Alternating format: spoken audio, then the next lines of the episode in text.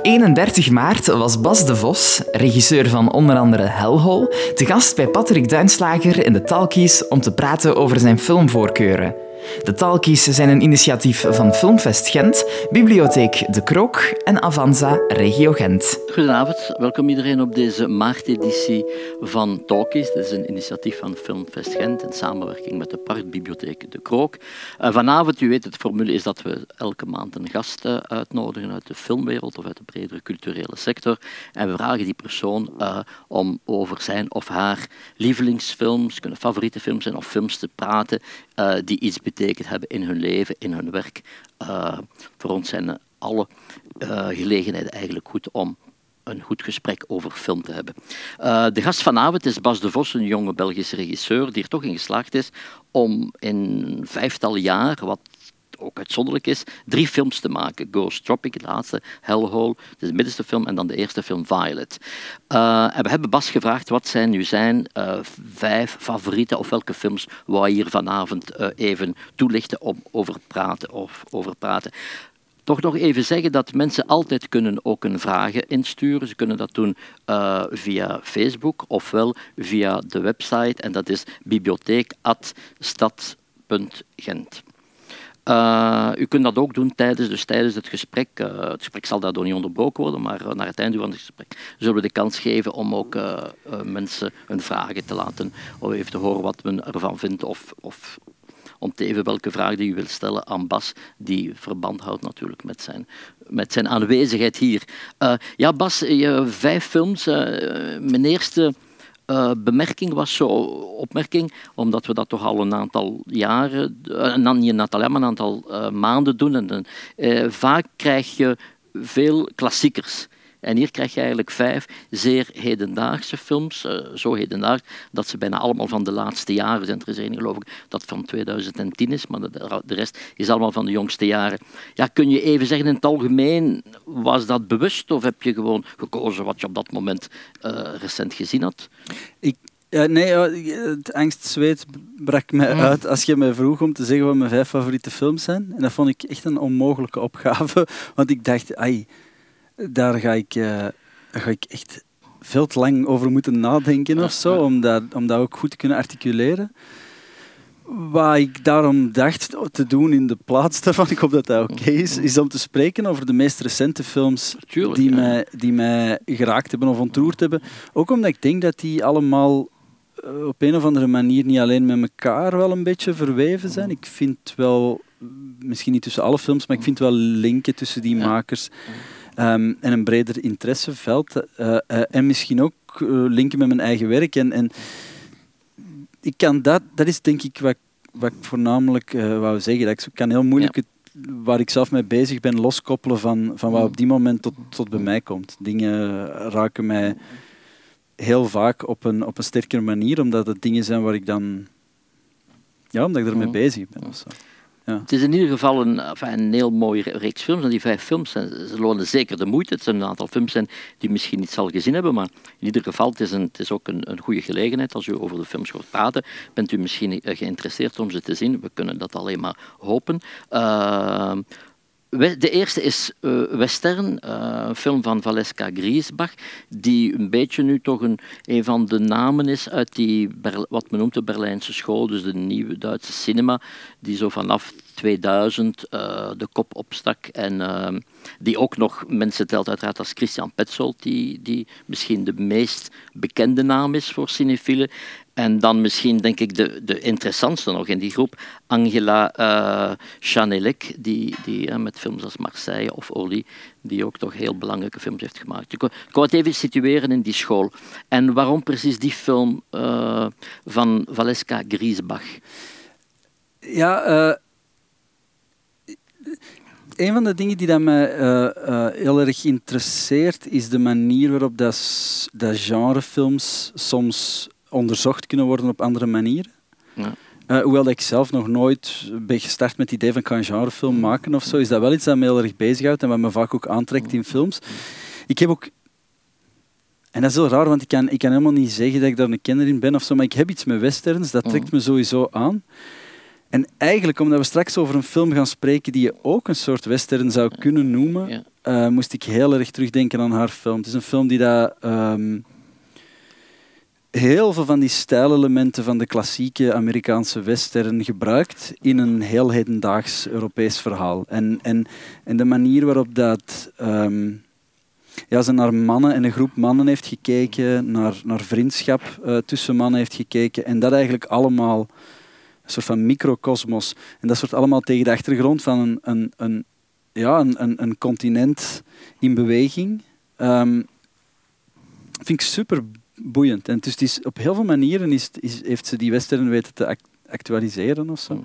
Eh, Dus ik, ik, ik weet dat ik die film echt bewonderde om zijn, zijn, zijn, ja, zijn observaties, zijn gebruik van kleuren, gezichten, handen, handelingen. Ehm, en ja, daar, daar, daar komen we misschien later ook nog bij, bij andere films op terug. Maar zo die focus die daarin zit, die, die zorgzaamheid waarmee dat zij filmt, is iets dat mij, dat mij gewoon super, super ontroerd heeft. Ja, Eh. Voor mensen die de film niet gezien hebben, die, die westernachtige elementen, is bijvoorbeeld wat er komt een paard in dat heel belangrijk is. Er, is, eh, er zijn mannen aan het kampvuur, maar er zijn dan nog wel verschillende dingen. En de titel, als je de film niet gezien hebt, zou je kunnen denken dat de titel ironisch is, maar uiteindelijk is, is het niet een, zit het, is wel ook een reële, eh, ma- maakt het echt reëel deel uit, denk ik, Ja. van haar esthetiek in die film. Ja, absoluut. Ehm, je voelt dat, dat, daar, dat er heel veel liefde, denk ik, ook spreekt voor dat genre. En heel veel liefde eh, en werk is uitgegaan, zorgzaam werk naar wat dat die stijlelementen dan zijn. En hoe dat ze dat op...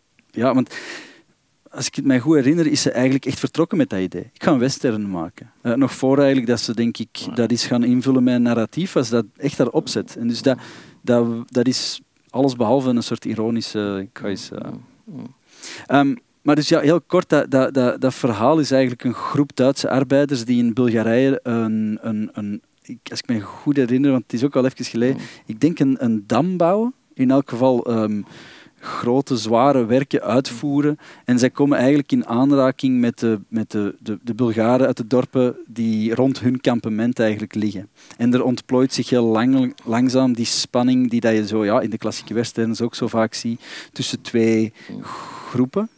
En de manier waarop dat ze eh één van het eigenlijke hoofdpersonage, Meinhard, ook een man gespeeld door een niet-acteur, ehm, hoe ze die als een soort bijna stereotype western figuur, zo de, de stille, zwijgzame, mysterieuze held een beetje, hoe ze die inzet om een brug te slaan naar die gemeenschap van die, die Bulgaren, uit die dorpen daar rond, is eigenlijk heel schoon, is heel ontroerend.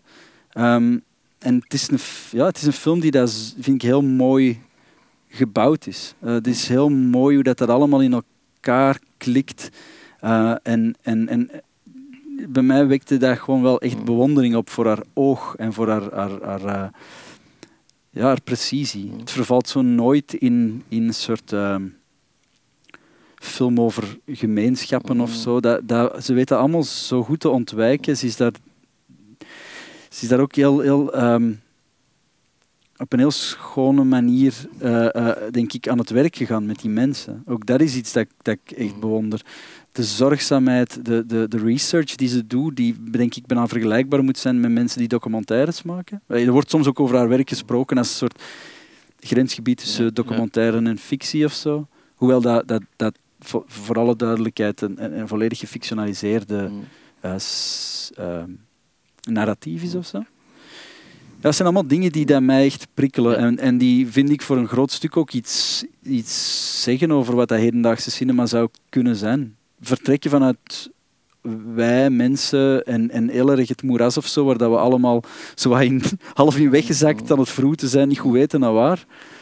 Maar ons wel voortdurend eh, bewust zijn, denk ik, van, van de anderen, die mensen rondom ons, waar, maar, waarmee we ja, vroeg of laat eh, in aanraking mee komen en waar we mee, mee moeten omgaan of zo. Dat, dat is, ja, dat is kort samengevat wel iets dat ik, dat, dat ik zie als een, als een werk voor, voor film vandaag of zo. En ehm, we nog even over die western, die, die western elementen hebben. De western zelf is, is een van de, misschien het, het meest mannelijke genre dat er is. Vond je het hier ook uh, interessant en dat het hier een vrouwelijk blik is op, een, op een, dingen die je meer gewoond bent te zien in, in de mannenfilms? Ja, zeker en vast. En daarom is het denk ik misschien ook interessant om straks over de film van Reichardt te spreken, die ook een soort van western mm. te noemen zou kunnen zijn. Meer nog dan dit, hè? Ja, meer nog dan dit. Terwijl dat je eigenlijk bij, bij Reichardt ook zou kunnen zeggen dat het een soort western voor de western is of zo. het, gaat echt over, over uh, de moment dat het dat Westen nog niet bestond. Mm. En, en, en dat is, dat is uh, heel prikkelend. Maar, maar onderliggend aan die western is ook altijd dat geweld of zo. Um, dat geweld, dat, dat, ja, eh, je kunt moeilijk over de Amerikaanse westerns spreken zonder die Amerikaanse genocide in gedachten te hebben. Dat gaat eigenlijk niet. Hetzelfde, denk ik, voor een stuk komt daar af en toe komen daar elementen in, in western van Griesbach naar boven, refererend aan de Tweede Wereldoorlog, waar dat er iemand zegt, hey, we zijn hier al eens geweest. Een van die Duitsers die zegt, we zijn hier al eens geweest dus zij, zij, zij heeft een hele goede manier gevonden, denk ik, om, om zo die, die historische lijnen en die politieke vragen of zo te verweven in heel kleine intermenselijke verhalen. En dat is iets, ja, ik, ik, weet niet of dat je daar zo over kunt spreken als, als mannelijke of vrouwelijke blikken dan of zo. Maar het is, het, het is wat, ik, wat ik wel heel erg apprecieer in, in haar specifieke blik. De, ja, de, de eigenlijke de overgave en de liefde waarmee dat ze die personages behandelt. Zelfs de, de potentiële slechterik uit de film, uh, de, de ploegbaas, die, die echt een beetje ook wat in het begin misschien wat stereotyp als een slechterik wordt weggezet, die, die gaandeweg eigenlijk toch ook iets meer kleur krijgt of zo. Dus zij, zij vervalt dan niet in, in, in waar, dat, waar dat denk ik klassiekere western... Zwart-wit Zwart-wit heel erg, ja. ja. De, ja. De volgende film is een, ja, een totaal andere wereld uiteraard. Het is The Woman Who Ran van Hong Sang-soo, een van de toonaangevende uh, Koreaanse regisseurs. Ook, als ik mag zeggen, een van de, de Koreaanse cinema is vooral bij, de, denk bij het publiek dat, dat, niet, uh, dat geen echte kenner is van die films, bekend voor de meer, voor de thrillers, voor de horror, voor de, zoals heel veel Aziatische cinema. Maar dit is dan ook ik vind dat dit die, zo, Aung San Suu dan meer aanleunt bij een andere Aziatische traditie. Dat zijn die heel fijnzinnige uh, films over relaties, over films die eigenlijk, vind ik zo, zo um, bijna een beetje kwetsbaar zijn. Hmm. Kun je zeggen waarom die film, want Aung San Suu is merkwaardig, heeft in, denk ik in 25 jaar 30 films gedraaid. Ja, uh, bij hem, en dat, dat, is straks ook denk ik aan de hand als we het uh, over Kevin Jerome Everson zijn werk gaan hebben. Je kunt eigenlijk niet goed spreken over ene film. Ja. je moet eigenlijk een beetje over zo dat, dat, dat werk spreken. En vooral duidelijkheid, ik heb niet alle films van nee, Hong Sang-soo gezien. Maar ze gelijken op elkaar en te ja. variaties van elkaar. Ja, ja, ja. Hij, hij, hij heeft uh, eigenlijk heel veel wederkerende thematiek. Het zijn heel vaak wat kwetsbare, een, soms een beetje zielige uh, manfiguren mm. die zich tot de andere seksen moeten verhouden. Heel vaak zijn het ook een soort metafilms in de zin dat, dat zijn hoofdpersonages vaak regisseurs zijn of schrijvers of actrices. Uh, of actrices. Um, en heel veel drama lijkt ook voor te komen. Uh, ja, het, zijn zijn eigen persoonlijke leven, want veel van die dingen worden daar ook gewoon echt in verwerkt. Um, hij heeft, hij heeft een buitenechtelijke relatie gehad met zijn hoofdactrice, die, die, die eigenlijk in zijn laatste films altijd meespeelt, ook in The Woman Who Ran. Um, maar maar wat, me daar, wat me daar zo in aantrekt, is eigenlijk de, de,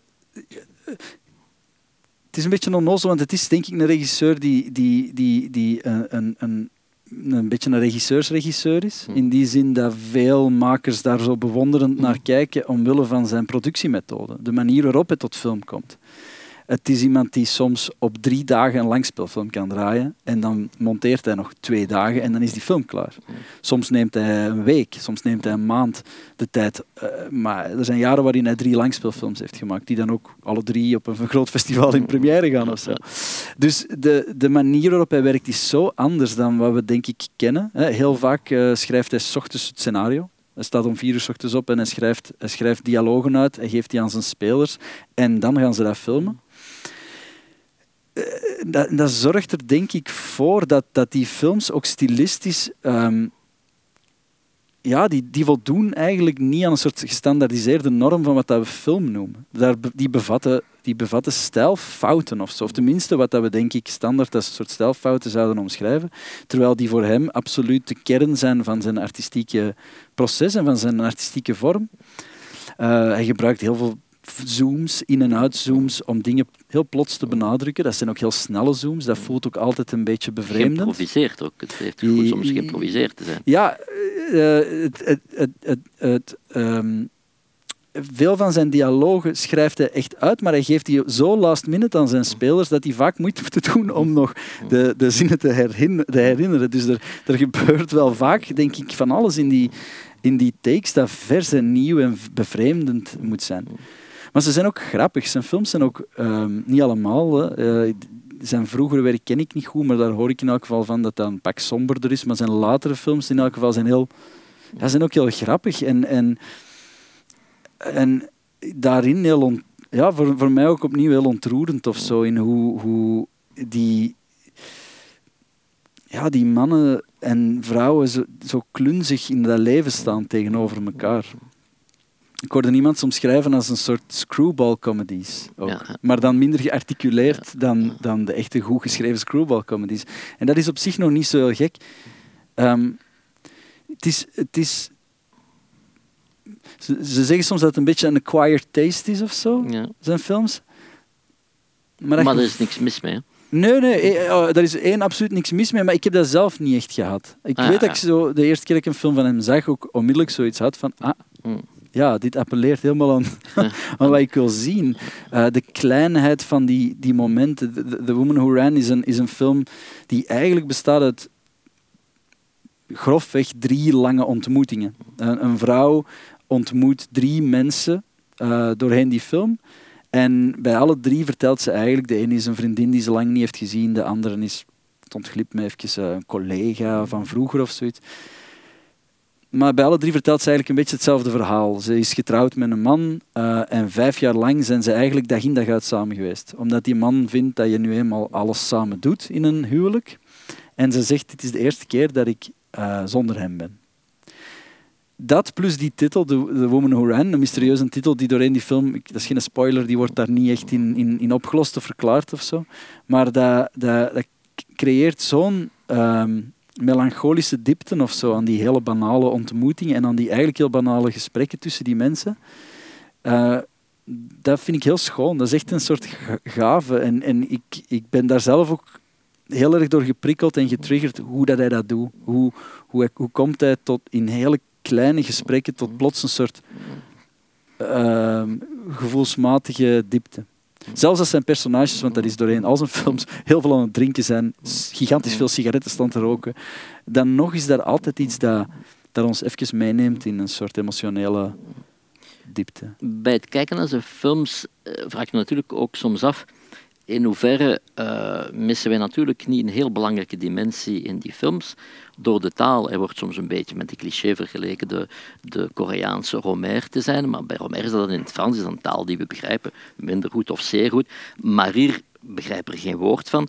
Dus denk ik dat we ook veel missen in de reacties van de acteurs en actrices, dat, dat er een soort dimensie is die, die, uh, die wij niet snappen in de film. Totaal, uh, daar ben ik mij ook heel bewust van. En, en, en een van die dingen die ik, die ik mij echt afvraag is, is uh, hoe worden die films bekeken in, in Zuid-Korea? Mm. Bijvoorbeeld dingen als dronkenschap. Ik kan me perfect voorstellen dat dat cultureel iets compleet anders moet betekenen dan dat dat voor ons is. En dat soms wanneer dat wij, een westers publiek, lachen, dat het misschien absoluut niet grappig is. En omgekeerd, dat dingen die wij helemaal niet percipiëren als, als um, awkward of, of, of dat dat misschien net wel in Zuid-Korea zo wordt ge opgepikt. Dus ja, dat, dat, dat, dat, is, dat is een van die boeiende dingen aan film of zo. Het geeft ons ook altijd een soort blik in, in ehm, ja, de manier waarop dat dagelijkse leven aan de andere kant van de aardbol zijn gang gaat. En je, je vindt daar denk ik altijd herkenningspunten in, menselijkheden in, kleine kantjes in terug. Zijn,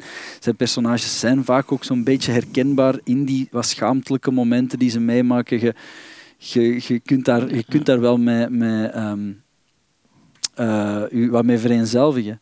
Maar die vraag van wat is, wat is, is daar een culturele afstand of zo, dat is een super interessante vraag. Ik kan ze ook niet oplossen. We zouden eigenlijk met een Zuid-Koreaan over moeten kunnen spreken die die wij hebben, ik ken hem niet persoonlijk, ik denk Wim ook niet, ehm, maar we hebben vaak geprobeerd om hem in, in Gent te krijgen. En, en uit reacties dat we toen kregen van hem, bleek hij toch wel iemand te zijn met veel gevoel voor humor. Niet een beetje zoals ze zou kunnen veronderstellen. Die films maakt iemand die, uh, ja, die toch op een, met een heel ja, speelse manier ook uh, in, op speelse manier in het leven staat. Ja, ik, denk gewoon het feit hoe hij films maakt eh, is op een of andere manier, um, en ik zoek naar, voor mezelf ook al een hele tijd naar andere manieren om misschien tot producties te komen. Het is super moeilijk ook in België. Maar het is op een of andere manier um, is het zo, is het zo licht. Ik kan dat zo, film is voor ons, filmmakers in Vlaanderen, dat is, ik denk dat mensen dat soms onderschatten hoe zwaar dat is. Hoe lang je met een project moet zeulen en, en hoeveel, hoeveel stapjes dat je daarin moet doorlopen. Omdat, hetzelfde denk ik eh, aan de andere kant van de, de oceaan, in, die grote, in dat grote studiosysteem waar dat films soms eindeloos op de lange baan worden geschoven totdat er iemand in zijn aantekening zet en x aantal miljoen uit, uh, uit zijn mouw schudt. Dat, dat project films kunnen zo zwaar zijn. En hij heeft daar, heeft daar een heel mooi antwoord op geformuleerd. Dus hij hoeft helemaal niet. Films kunnen ook zo zijn. Ehm, en dus ja, op dat vlak eh, eh, oogst hij bewondering. Ja, het zijn films die ook moeiteloos lijken. Het is precies of men heeft, of hij schudt dat uit zijn mouw bij manier van spreken. Terwijl in veel films, ook in heel goede films, toch wel het harde labeur soms. Dat je weet, ja, hier is wel heel hard aan gewerkt. Dat is wel, zeer, uh, dat is wel heel heftig om, om dat zo op het doek te krijgen. Hmm. Bij hem heb je dat nooit. Het zweeft bijna. Het is ook uh, trans, ja, niet transparant, maar iets dat snel voorbij glijdt. Ik, ik, weet niet zeker of dat, dat klopt, maar, maar ik denk dat dat veel met, met lef te maken heeft. Met, met, wat, hij, wat hij zeker heeft, is gewoon het lef om soms dingen te laten duren, te laten gebeuren.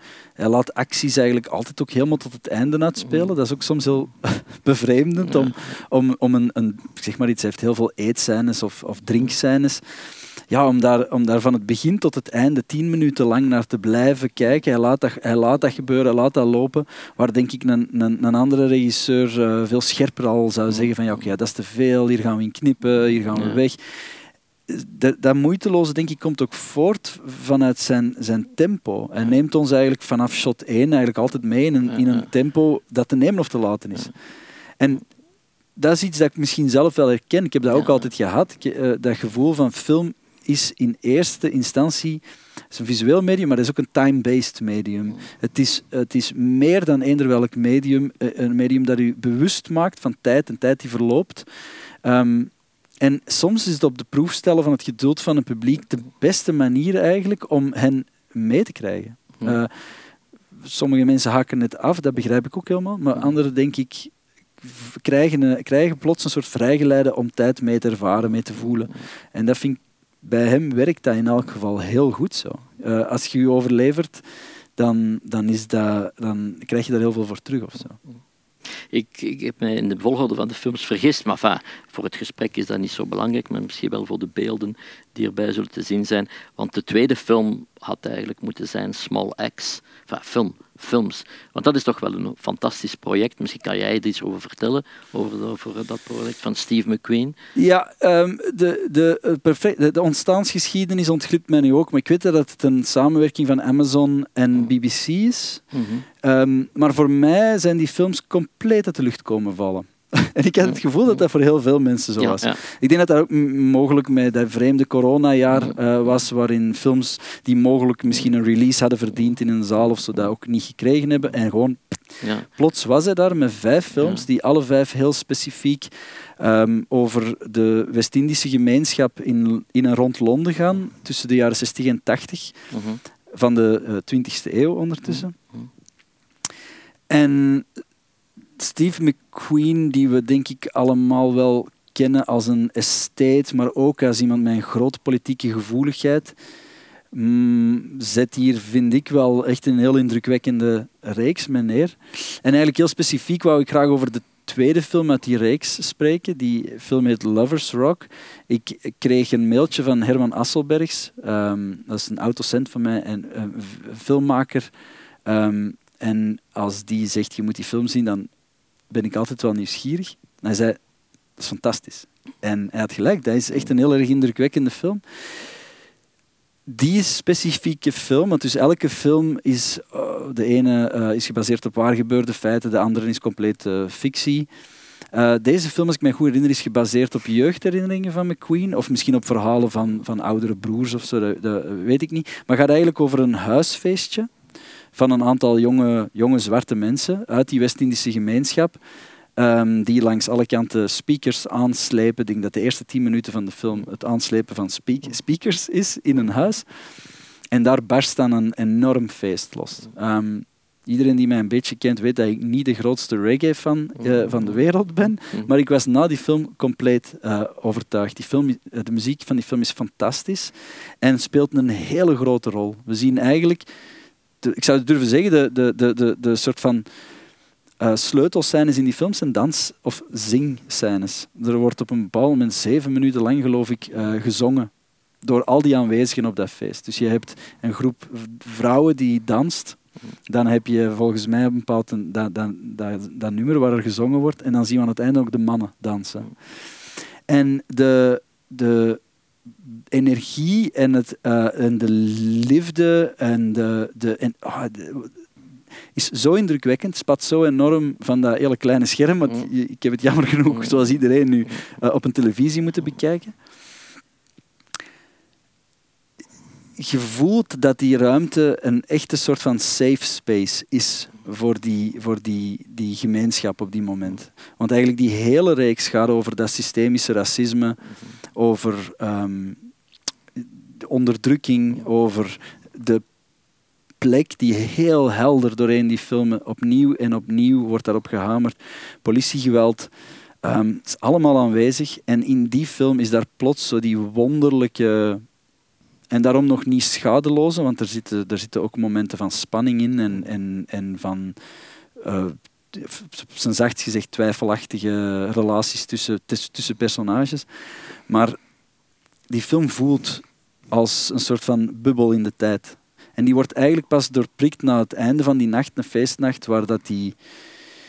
Um, waar dat ene jongen zijn, zijn nieuwe vriendinnetje meeneemt uh, en finaal bij zijn werk uitkomt. En dan blijkt zijn werkgever een jonge blanke man zijn die hem eigenlijk vernedert. Um, Zoals jij het vertelt, lijkt het mij ook een film te zijn die uh, extra een dimensie krijgt door de tijd waarin we nu leven. En, ja, wanneer is de film gemaakt? Toch nog voor corona, denk ik. Dat is een goede vraag. Ik heb eigenlijk echt geen idee. Maar wat in elk geval heel duidelijk is, is dat, dat McQueen met die films totaal in tune is met wat dat er mm. Leeft, gaande is. En eigenlijk ook wil zeggen, jongens, uh, was een, uh, een, halve eeuw geleden was dat pertinent in Londen. Was dat aan de hand. Mm. En dat is, dat, dat is dubbel zo pijnlijk om naar te kijken daardoor ook. I, um, er is, er is zo'n grote mate van, van, uh, van oncomfortabel zijn in het kijken naar die films. En tegelijkertijd is daar zo'n zorgzaamheid opnieuw en zo'n zo'n liefde. Um, dat, dat, je, dat je echt. Eh, en dat gebeurt nu ook niet zo vaak dat ik dat zou zeggen, maar je het gevoel van ah, hier gebeurt iets belangrijks. Het zijn belangrijke films. Die gaan op een of andere manier belangrijk blijken. Um, maar Lovers Rock is bijzonder. Bijzonder voornamelijk omdat eigenlijk al die films zijn, zijn korte films. Ik ben dol op korte films, vandaar dat ik uh, Hong Sang-soo daarnet ook erbij was. Je bedoelt toch nog altijd 80 of 90 minuten? Ja, hè? wel, dus- de meeste van, van, van, van, van de films uh, in, in, die reeks Small X schommelen rond de 70 minuten. Hmm. 65, 70, 80 minuten. Hmm. En ik vind dat een super comfortabele lengte. Ik hou echt van die lengte. Ik, ik zou eigenlijk ook je kunt dat natuurlijk niet zeggen, want films brengen wat ze brengen. Maar ik zou het heel comfortabel vinden om dat soort films te blijven maken. Films die 80 minuten van je tijd vragen. Niet te veel, maar net genoeg om even iets te openen. Um, en, en, en dus in die korte tijdsperiode doet hij, doet hij iets, iets, ja, toch wel iets echt bijzonders. Zo. het deed mij ook als maker heel erg nadenken over hoe is die film tot stand gekomen. Want ik denk, mocht je het scenario uitschrijven van, van Lovers Rock, dat je max aan vijf pagina's script zou zitten. Er is amper of geen dialoog. Muziek en dans neemt een heel groot deel in van, van die film, van de, van de, de duur van die film. Ehm, ik, zou, ik zou durven zeggen, 20 minuten van de, van de 70 zien we dansende mensen. Klinkt als een bork, Dus die bork- film zou nooit hier kunnen gemaakt worden, bij manier van spreken. Ik vraag me af hoe, hoe dat je die hier gemaakt zou Mm. krijgen. Het- het- Hetzelfde met, met die films van, van Hong Sang-soo. Ja. Hoe, hoe, hoe, zouden, hoe zou je die hier gemaakt kunnen krijgen? Die, die, die, die vrijheid die dat hij zich denk ik kan permitteren omwille van zijn track record, eh, voor alle duidelijkheid. Eh, hij heeft dat ook verdiend. Hè. Hij heeft ervoor gewerkt om die vrijheid te hebben. Maar dat is iets wat ik wel super bewonder. Maar ligt dat niet voor een stuk aan wat je zou kunnen noemen de fetish van het scenario? Dat men doet alsof alles daar moet inzitten en als dat, dat eh, zaligmakend is. En als dat niet perfect is, dan kun je zelfs geen goede film maken. Terwijl er veel films zijn, niet alleen die films, maar zelfs Amerikaanse films waarin het scenario... En toch zijn dat grote films. Ja, en zelfs om even terug te gaan naar, naar Griesenbachs film. Ik weet niet 100% of dat klopt, maar ik heb het mij wel zo laten vertellen door, door Gerard-Jan Klaas. Is zijn, dat haar film ehm, nooit een volledig scenario geweest is. Dat eigenlijk gefinancierd is op basis van een treatment. Ehm, en, en, en, en dus ja, er zijn absoluut manieren om een beetje van voorbij die scenario fetish te geraken en om dingen, dingen te maken die leven en in het nu zijn en waar er twijfel in kan zitten en waar je niet op voorhand eigenlijk alle ins en outs moet kennen. Ik, ik, ik probeer eigenlijk al, al zolang ik zelf dingen maak daar ook, daar ook wat op te duwen of zo. Ehm, maar maar het, ja, er er is denk ik een van de problemen bij ons is, eh, eh, is dat, dat dat scenario blijkt steeds vitaal te zijn in die financieringsfase.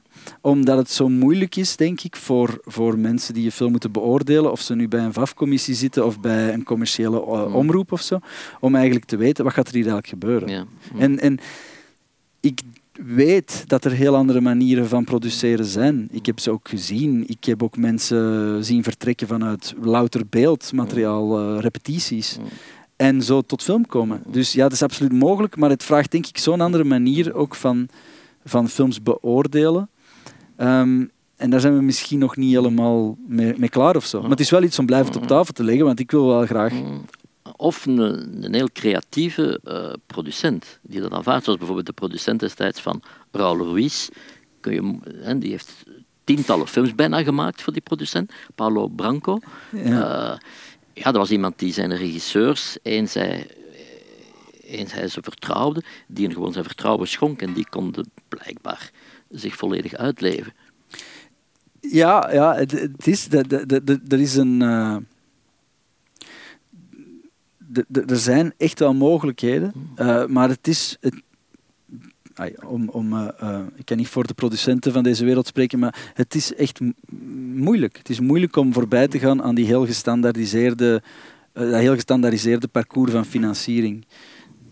Zeker denk ik als je films maakt waar je op voorhand van kan zeggen, die zullen waarschijnlijk wel een grote culturele waarde hebben, maar wat is de economische Ja, marktwaarde? ja, mhm. Bij die films wordt het moeilijk. Mhm.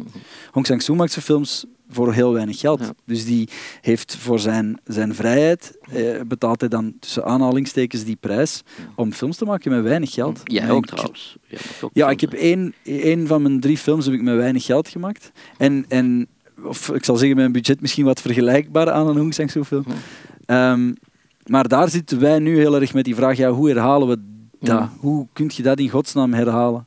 Want dat heeft ons, eh, ja, dat heeft ons, ons iets gekost. Mhm. Ik zal het zo zeggen. Dat heeft ons, ons de hulp van mensen, ja, waar je ook gewoon niet eindeloos beroep op wilt doen. Is dat je eerste film dat je bedoelt? Of? Nee, mijn laatste Ah, film. Mijn laatste, laatste ja, ja. film hebben wij gedraaid met, een, met een, een, een budget dat we eigenlijk grotendeels zelf hebben verzameld. Eh, waar het VAF eh, pas in de, in de postproductiefase is, is bijgesprongen eh, om de film af te krijgen op tijd. Mhm. Ja. Oké, we gaan nu naar de film die je al geciteerd hebt, The First Cow van Kelly Reichardt. Die de laatste jaren, denk ik, een van de belangrijkste nieuwe vrouwenregisseurs geworden is. Die toch al serieus parcours heeft afgelegd met haar films. Ehm, en de laatste, niet allemaal, maar inderdaad, er is een heel grote western. Uh, ook, uh, ze, ze, draait denk ik haar films vaak in uh, is het Oklahoma of zo. Ze draait daar. Ik denk dat deze film zich helemaal in Oregon. In Oregon, in Oregon. Ja. Dus ze, ze, ze, zoekt ook landschappen. Kun je daar iets over vertellen? Wat, wat, is het alleen die film van haar of is het in het nee, Ja, ik heb het gevoel dat uh, Reichards naam de naam is die al het meest over mijn lippen is gegaan. Als, als mensen mij vragen wat, wat, wat is nu een filmmaker die je bezighoudt. Het is iemand die ik heb leren, of wiens werk ik heb leren kennen toen ik voor de allereerste keer mijn een film op een festival was. Ik was in mijn derde jaar op school om een of andere bizarre reden geselecteerd voor een festival in Frankrijk, in Beaufort. Um, en dat, dat, dat, dat, gebeurt eigenlijk zelden of nooit dat je met een korte film naar het buitenland kan. Dus ik had zoiets van, ja, nu, nu ga je, mm. oh, ik ben de ster, dit wordt van... Mm. Dat was, uh, dat was een les in nederigheid, ik zal het zo zeggen. Maar ik heb daar wel de kans gehad om Old Joy. Uh, ik durf even niet te zeggen of daar een derde film is, maar ik denk het wel. Maar in elk geval, het is een film die een beetje um, je zou dat een beetje de, de heropstart van, van, haar carrière kunnen noemen. Ze had mm. daarvoor al een, een langspeelfilm en een middellange film gemaakt, die, die haar ook, denk ik, wat gefrustreerd mm. hebben achtergelaten. Dan heeft ze ook met weinig geld, die film is, als ik me goed herinner, met 70.000 dollar gedraaid, um, heeft ze een, een film gemaakt uh, over, over een, een vriendschap. Mm. En voor een stuk nu, x aantal jaren later, en, en, en je voelt dat haar, dat haar carrière echt eigenlijk helemaal opengebloeid is sinds die low-budget, eenvoudige low-budget film. Uh, want haar budgetten groeien, uh, de interesse groeit, um, de kritische respons groeit. Uh, ja, komt ze nu eigenlijk terug met een film ook gebaseerd op een boek van dezelfde schrijver, John Raymond, haar, vaste co-schrijver, die ook bijna voor al haar films het basismateriaal heeft geleverd. En ze komt nu terug met First Cow, ook een film over een vriendschap. Alleen deze vriendschap speelt zich af, um, zoals ik daar straks zei, een western voor een western. Het zijn de allereerste pioniers die eigenlijk in dat westen aankomen. Daar is nog niks. Um, en we zien doorheen de vriendschap van een hele zachtaardige man, Cookie, en een Chinese immigrant, King Lu, als ik mij goed herinner. Doorheen hun vriendschap zien we niet alleen, uh, hoe, krijgen we niet alleen een soort van portret van, van dat hele ruwe Westen, maar we zien eigenlijk ook de geboorte van, van handel, de geboorte van een economische gedachte. Uh, dat eigenlijk in al haar films op een of andere manier als een ondertoon aanwezig is, die greep van dat kapitalisme op die Amerikaanse samenleving en bij uitbreiding op de samenleving.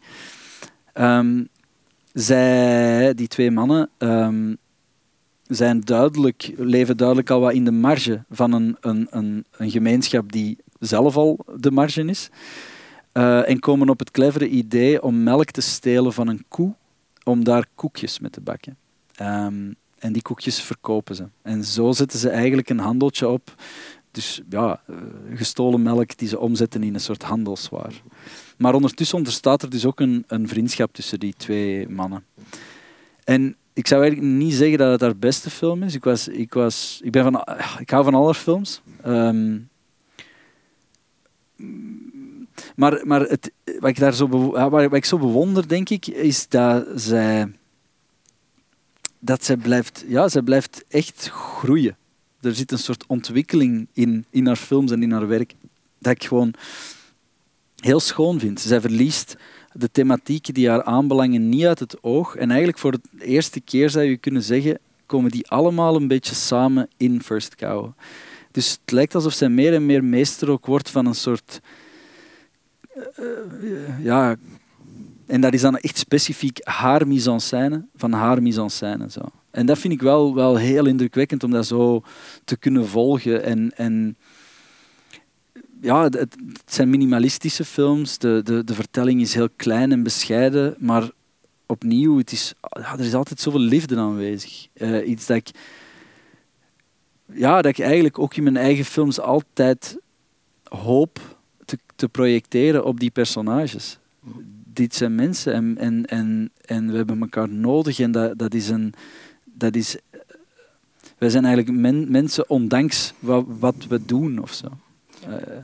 Uh, puur vormelijk. Is het voor u belangrijk ook in, in uw appreciatie van haar films dat zij toch vaak ook op, het, uh, op een het, niet gebruikelijke formaat draait. Dus op 1.33, uh, grosso modo, is dat het oude televisiebeeldformaat. Uh, ja. en jij hebt dat ook, in twee films heb je toch ook. dat, want ja. je ziet tegenwoordig zoveel films die precies in de totaal in de tegenovergestelde richting gaan films die op uh, 2.35, dus het eigenlijk wat we noemden vroeger cinemascoopformaat gedraaid zijn. Mm. En uh, ik kan daar soms een beetje fanatiek over doen, maar dat je duidelijk voelt dat de regisseurs niet weten hoe dat ze dat beeld moeten vullen. Dat het heel Mm. moeilijk is om zo dat, dat formaat te vullen. Ja, ja, ja, het is niet alleen dat, het is niet alleen dat vullen van dat, uh, van dat beeld, maar het is ook de, de iconografie of zo die daarachter zit, of tenminste de, de betekenis die we Mm. daar eigenlijk al in lezen.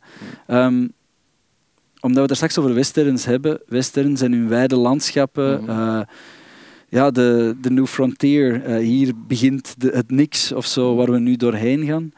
Z- Reichardt heeft nog een, een, een, een western gedraaid een aantal jaren geleden, Mix Cut-Off. Ja. Die was ook in 4-3. Mm. En dat was zo eigenaardig om dat wijde landschap plots in 4-3 gekadreerd te zien. Maar ik zou zeggen dat stilistisch ik niet, niet per se geprikkeld ben door dat, dat gebruik van dat beeldkader. Ik denk dat dat, dat beeldkader of, of mijn, mijn, mijn grote liefde daarvoor veel, veel meer bronnen heeft of zo. Ik vind wel dat, dat um, Christopher Blauwveld is haar, vaste DOP. Um, is wel iemand wiens werk ik gewoon toekoer volg en, en, en, en, en interessant vind. En, en zij draait ook alle films op 16 mm, dus heeft een grote liefde ook voor, voor film, die ik eigenlijk echt deel voor die korrel en, en, en de materialiteit van film. Um, dus ja, er zijn dingen die ik, die ik, die ik gewoon super inspirerend vind, maar, maar boven alles, bij, bij haar denk ik, gaat het over, over een soort uh, um, overgave uh, die ik voel. Een overgave en tegelijkertijd een enorme beheersing. Uh, en die twee zo schijnbaar wat paradoxale mm. termen, die, die, die maken haar films tot, tot, tot wat ze zijn. Er is een overgave als in, jullie zijn die spelers en, en, en ik, ik wil jullie om, omwille van wie dat je bent en hoe dat je je tot, tot elkaar verhoudt en, en, en ik, wil, ik wil de liefde of zo, ja. dat abstracte woord, ik wil dat kunnen doorgeven. Maar een precisie als het gaat over waar die camera zich bevindt, welk knoopje er open is, stoffen, texturen. Zeker First Cow is daarin vind ik een hele mooie stap. Zo. De rijkdom van die um, nogthans heel, eigenlijk heel bescheiden film. Maar echt een grote rijkdom. Ja, dan de vijfde film, uh, Eerie, spreek je dat goed, spreek je dat goed uit? Ja. Uh, film van 2010, dus het is, de, het is dus al een klassieker uh, uh, voor u in, in dit rijtje Ja. films. van Kevin Jerome Everson. ik heb de film niet gezien, ik heb ook een aantal mensen daarover gepraat en ik kende niemand die die film gezien had. Dus. Ja, eigenlijk, ik had ik, uh, net zoals uh, dat we daar straks bij Hong Sang-soo ook zeiden, van het is moeilijk om, om over één film bij te spreken. Kevin Jerome Everson's werk heb ik... Ik had een film van hem gezien, een jaar of twee, drie geleden, uh, die Tansler Park heet. En die eigenlijk een soort abstracte registratie is van een dag um, een, waarop er gestemd wordt, een, een, election day, in een... Um, uh, stemlokaal in Charlottesville, in wil West Virginia zeggen, maar ik weet niet of het Virginia is. In Charlottesville. Bon, het ontglipt me even. Um, en ik vond dat toen een super intrigerende film en ik, ik, ik heb toen eigenlijk niet echt het werk verzet om meer te onderzoeken wat dat die man, Kevin Jerome Everson, de, de, de regisseur van die film, uh, eigenlijk nog allemaal gemaakt had. Tot dit jaar uh, Courtisanne uh, en Cinematheek samen een heel programma mm -hmm. rond zijn werk opzetten. En ik had zoiets van, dat is die gast van die, van die Tanzerpark. Um, ik, de cinemas sloten mm. echt in het midden van die, die, die, um, die blik op zijn werk. Een soort retrospectieve zou ik zeggen, maar dat is het ook niet helemaal. Um, en Eerie was een van de lange films die daar vertoond wordt. Want hij heeft heel veel werk. Hij spreekt zelf echt over een soort body of work. Mm. Hij komt ook voort uit de fotografie en, en, en het uh, um, beeldhouden. Dat is zijn achtergrond. Uh, hij geeft les um, ik denk in de Universiteit van Virginia. En oorspronkelijk is hij van Ohio.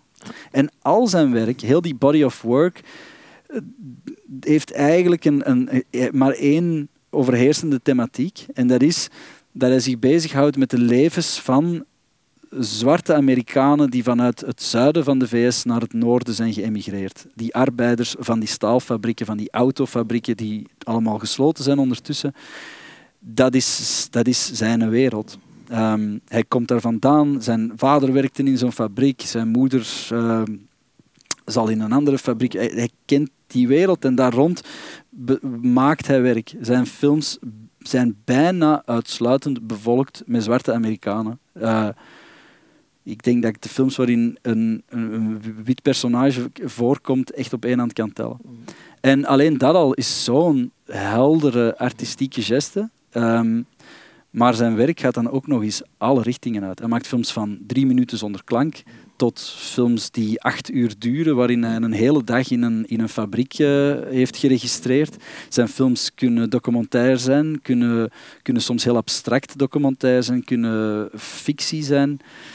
Maar het, is, het was voor mij gewoon, en dat was echt heel lang geleden, het was voor mij iemand die mij ja, echt van mijn sokken blies. Zijn werk is zo indrukwekkend. Okay, ja. Ik ben ook na, de cinema sloten halverwege die, die uh, ik vond dat ook echt heel jammer. En dan ben ik ook nog verder op zoek gegaan naar zijn werk. Wat ik eigenlijk niet zo vaak doe. Ik ben een hele luie man op dat vlak of zo. Maar uh, hij, hij, prikkelt en hij intrigeert omdat hij zo vrij is. Hij is zo vrij. Het is opnieuw iemand die daar films maakt met heel weinig geld. Um, de meeste, hij noemt zichzelf a thousand in plaats van een miljonair, een thousandaire. uh, en daarmee maakt hij zijn films. Met kleine beurzen hier, een beetje geld dat hij gespaard heeft daar. En hij, laapt, eh, hij maakt aan de, aan de lopende band werk. Um, en daarin is hij, is hij super vormelijk. Zijn films zijn bijna allemaal vormelijk. Um, voor hem is dat vaak het uitgangspunt. En hij durft opnieuw dingen te doen die, die voor mij zo bevrijdend voelen synchrone klank is voor hem niet belangrijk. Heel vaak zien we iemand spreken en horen we daar een stem over die daar net niet of net wel bij past. En uh, hij, ja, hij geeft mij een soort van. Um, en natuurlijk zijn er heel veel uh, uh, andere cineasten, zeker van, van kunstenaarsfilms of experimentele films, of hoe je dat ook wil noemen, die die, die vrijheid ja. hebben. Hè. Maar, maar bij hem is dat dan ook nog eens gelieerd aan zo'n helder thema en, en, en met zo'n opnieuw grote liefde. ja, zijn films zijn moeilijk te zien, dat weet ik. Uh, maar hier en daar kan je online kleine korte films van hem vinden. En ze zijn elk met uitzondering van een paar die misschien wat, wat niksig blijven. Of ze zijn eigenlijk altijd de moeite. Ah, maar het is zo, dat body of work dat me echt interesseert. Je moet die films, je moet echt een aantal van zijn films zien. En dat is misschien bij Hong Sang-soo ook zo. Eén film van Hong Sang-soo doe je zo, zo mm kijken. Twee, drie, ja. tien van zijn films doen iets, doen iets open gaan. En dat vind ik wel... Uh, dat is iets waar ik gewoon jaloers op ben. Oké, je hebt ons een interessante tips gegeven, vooral voor die laatste film, om toch nog iemand, eh, een, een nieuwe, enfin niet nieuwe, maar een regisseur te ontdekken die, die, die zelfs, denk ik, niet altijd tot de festivals doordringt. Of ja, zijn in werk... het Forum in Berlijn. Ja, uh... ja, ja, ja. On, on, meer en meer. Hij, hij, hij, hij kan zijn, zijn werk wordt gezien hoor. Dat is mm. zeker zo. Bedoel, hij, heeft grote galerijen die zijn werk mm. tonen. Mm. Er is ook installatiewerk dat hij maakt. Hij maakt alles. Dat is ook nog eens. Is echt een, uh, een, allround. een allround maker. Maar ja, in deze is de figuur, de man zelf en de manier waarop hij denkt en spreekt ook gewoon heel erg verbonden met dat werk. Ik vind het zo schoon hoe dat hij op een bepaald moment in een interview um, zegt hij hij zegt meer mooie dingen, maar een van de mooiste dingen die hij zegt is: ik maak films voor mezelf. Ik maak films voor mezelf en voor de mensen in mijn films. En dat is zo, oh, dat is not done. Je moet altijd zeggen: ik maak films voor mijn publiek, ik ben bezig met mijn publiek. Maar eigenlijk zegt hij dat. Hij zegt: als ik films maak voor mezelf, dan zijn die waardevol. En als ik die waardevol vind, gaat iemand anders die ook waardevol vinden. Dat vertrouwen heeft hij. En hij durft dat te zeggen. En ik vind, vind dat zo schoon dat die man zegt, dit is wat ik doe, dit is wat mij interesseert. Ik maak films over zwarte mensen waar ik geen witte mensen insteek, omdat ik mij niet wil verhouden tot die witte mensen. Ik wil films maken over de mensen die ik ken. En, en dat, dat lef opnieuw of zo, en die vrijheid, is iets dat ik gewoon echt... eh, ja, ik bewonder dat. En hoe dat ik daar in mijn eigen werk dan... Hoe moet ik mij daartoe wil verhouden? Ik heb geen idee, want ik ben een witte jongen uit Essen. Maar, ehm, maar ja, het zijn, het, zijn, het zijn wel stuk voor stuk de films waar we het vandaag over hebben gehad, dingen die dan mij echt oprecht anders doen kijken naar de wereld en die mij, zoals het denk ik hoort bij een goede film, een beetje veranderen of zo. Of een beetje... Ja. Oké, dank u. We gaan nu even zien of er ook reacties waren of mensen die ja, op Iedereen zit in voorhand de iets, zon, iets- hoop ik. ja, op voorhand iets doorgestuurd had. Mij horen? Ja, ja, ik hoor u heel goed. Oké, eh, de eerste vraag is: waar kunnen we Hellhole zien momenteel? Ehm Hellhole is een moeilijk te pakken te krijgen film. Dat weet ik. Ik weet dat hij een tijd op eh, Telenet te zien is geweest, maar ik weet niet, want ondertussen is Telenet dan ook streams geworden, denk ik. Ik weet het eigenlijk niet. Ik ben niet zo goed op de hoogte. Maar het is een moeilijke film om... eh, maar je kan altijd een mail sturen naar bas.devos.gmail.com. Hmm. En dan... eh, Het is toch tof dat, dat je hier over vijf grote regisseurs spreekt en het is dan jouw Ja. films die ze willen zien. Dus dat vind ik toch eh formidabel. dank u, dank u. Ehm, En tweede vraag, ook over u. Eh, wanneer komt je nieuwe film uit? Oei. Ehm, geen enkel idee, want zoals we hier net denk ik wel een beetje bespraken, ik zou, ik zou zo graag vooruit willen en dat het allemaal snel gaat, maar tegelijkertijd ben ik ook gewoon honderd keer langzamer dan die mensen waar ik net over heb gesproken. Dus ik ben vooral aan het vechten eigenlijk met een nieuw scenario.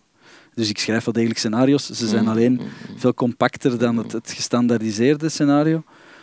Ehm, ik hoop, dat is een hoop, ik hoop volgend jaar te kunnen filmen. Ja, dat, als, ik dat, als dat zou lukken, dan zou ik denk ik echt een heel tevreden man zijn. En wie weet, eh, wie weet voor mij, en dat is misschien echt een van die lessen die ik van deze makers heb geleerd, dat afwerkingproces hoeft echt niet nog eens zeven maanden te duren.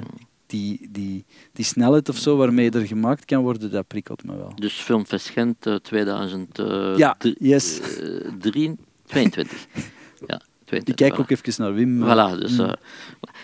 Eh, zijn er nog... eh, En dan is er een beetje een bizarre vraag nog. eh, hoeveel lagen verf heeft een plafond nodig?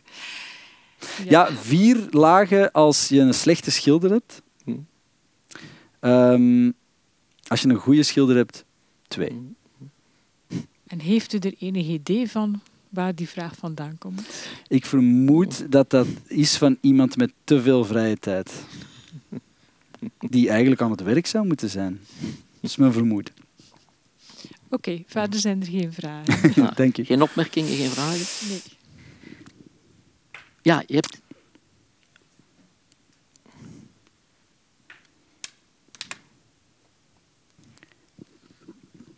Er is toch nog een vraag. Eh, wat is uw mening over een filmkanon of de filmkanon? Oei. Eh, en dan denk ik dat we bedoelen die Vlaams, de, de Vlaamse kanon. Wordt daaraan gerefereerd aan kunst? eh? Ik denk als dat de vraag is, hè, stel dat er een soort van eh, kanon van de, van de film zou bedacht moeten worden voor Vlaanderen. Maar het is niet gespecifieerd. Het is niet... Nee. Ik zou niet zo goed weten wat de vraag anders zou kunnen betekenen. Ja, Of wat, wat, wat, wat lees jij in die vraag? Wel, als je zegt de kanon, dan is dat wat, wat voor jou de, de films zijn die in de geschiedenis van de film... De... Ja. Maar jij beantwoordt ze zoals je wil. Ah, ja, ja, nee, misschien ja, meer eh, interessantere dingen te vertellen. Nee, nee, nee, helemaal niet. Ik ging, eh, ik ging het proberen dat ik onderuit te mazen. Nee, ik denk, ik denk dat er eh, heel veel interessante makers en filmmakers ehm, tussen de plooien van de geschiedenis vallen. Hm. Dat denk ik zeker. Ik denk niet dat noodzakelijk de meest interessante filmmakers ehm, onthouden worden. Ik denk alleen als we nog maar kijken naar gender en kleur, dat er eh, werk aan de winkel is om die kanon open te breken, te verbreden en, en een beetje af te rekenen met witte jongens uit Essen. Mhm. Oké. Bas, dank u Graag voor dit gesprek. En eh, we hopen allemaal zeker dat je snel een, een nieuwe film kunt draaien. Ik hoop het met Dat u. we, dat je dan, als, hè, dat we dan jou als cineast kunnen eh, weer ontmoeten. Eh, maar bedankt in ieder geval voor deze toch wel passion, passionante eh, uiteenzetting over eh, vijf films. Ik denk de manier waarop je over de films vertelt is heel belangrijk. Doe me denken aan Tavernier, Bertrand Tavernier, die onlangs gestorven is. Die iemand, ook iemand was met enorme curiositeit en die zijn enthousiasme voor film heel goed kon overbrengen. En dat is ja ook gelukt en ik dank, Dank je hiervoor. Dank ook de bibliotheek voor de gastvrijheid, zoals eh, elke maand. En ik, eh, ja, onze volgende talkies is op 28 april. En dan eh, is Sioen onze gast.